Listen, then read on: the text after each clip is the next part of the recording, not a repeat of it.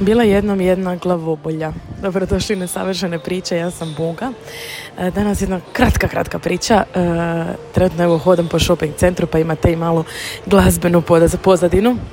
Uglavnom, e, danas sam se probudila i bila sam ok, ali malo bola glava, ja često, baš nisu grene, ali baš od djetinjstva patim od glavobolja i kroz godine ono sam razvijela razno razne metode kako se s njima nositi. I današnja je baš me uhvatila u jednom trenutku, baš je bila ono gadna. Ono što je kod mene je da je meni bolja vrlo često povezana sa želucom, pa onda kad me počne boliti glava, me počne boliti želudac i bude mi zlo.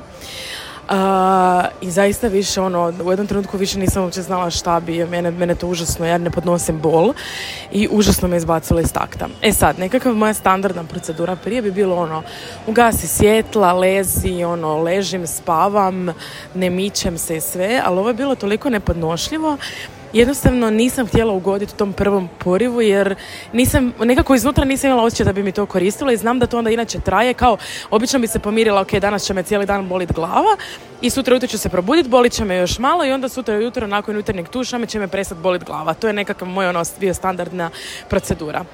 I nekako mi je danas kroz glavu prošlo, volim te onak sudden momente, mi je prošlo kroz glavu, mogla bi probati jer sam o tom čitala i slušala i, i pratim neke ljude koji to isprobavaju, ja nisam nikad, hladni tuš. Naravno sad hladni tuš ono, nije, ima ovih koji se kupaju u ledu doma i tak, to mi je malo još uvijek hardcore, ali e, ima puno ljudi koje znam koji se tuširaju hladnom vodom, što je meni potpuno nepojemljivo. Ja, ja sam jedan od onih mazohista koji onak vruća voda uvijek i i zauvijek ali rekao ajde idem probati I stala sam po tuš, ono, glava me satirala, znači, mutno ispred očiju i stala sam po tuš i prvo sam stavila nema što odmah hladno, nego morate polako.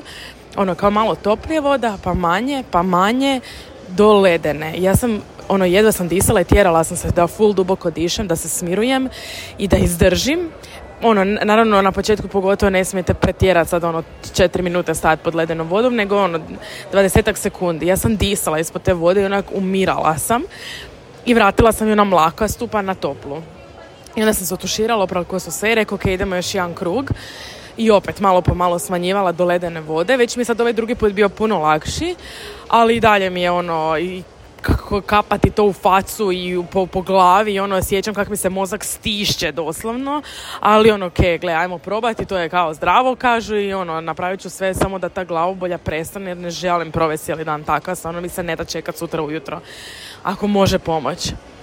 I zaustavila sam vodu i di, onak tresla sam se skoro praktički i ono buljela u prazno, onak, ok, preživjela sam ova i evo sad je prošlo jedno sat vremena od toga, pojela, poručila sam normalno, glava me boli minimalno, znači niti blizu onom što je bilo, osjećam se normalno i sad ne snimam ovo da bi vam promovirala hladni tuš, nego sam pomislila kako je to e, i zato me lupila inspiracija za epizodu, pomislila sam kako je to to je točno onaj primjer što govore o komfort zoni i tomu nekakvom ugađanju sebe. Nije stvar u tome da kao slušaj sebe. To sam baš negdje pročitala kao ne, nemoj slušati sebe, ne uvijek.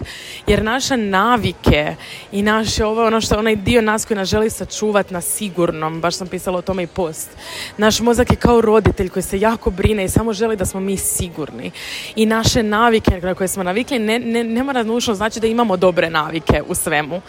I naš dosadašnji način života da je siguran i poznajemo ga i recimo meni, će, meni bi glavobolja prošla kad tad i da ja bi možda zaspala obično kad zaspim popodne sa glavoboljom probudim se sve još gorom ali kao ok to je dio procesa i čekala bi to je nekad ok ali nekad ta komfort zona nam zapravo ne pomaže. I nekad moramo proći kroz tu neugodu. Mi ljudi volimo ugodu kao, i sad je cijeli taj neki pokret kao, samo da tebi bude ugodno, samo da tebi... Da, ok, uvijek postoji balans, ali za neke situacije moraš proći kroz određenu neugodu. Ne želim reći patnju, ali kroz određenu neugodu za neke stvari Pogotovo kad ti to nije standard, kad ti to nije klasična navika, ali naša uvjerenja, naše navike nam služe uvijek.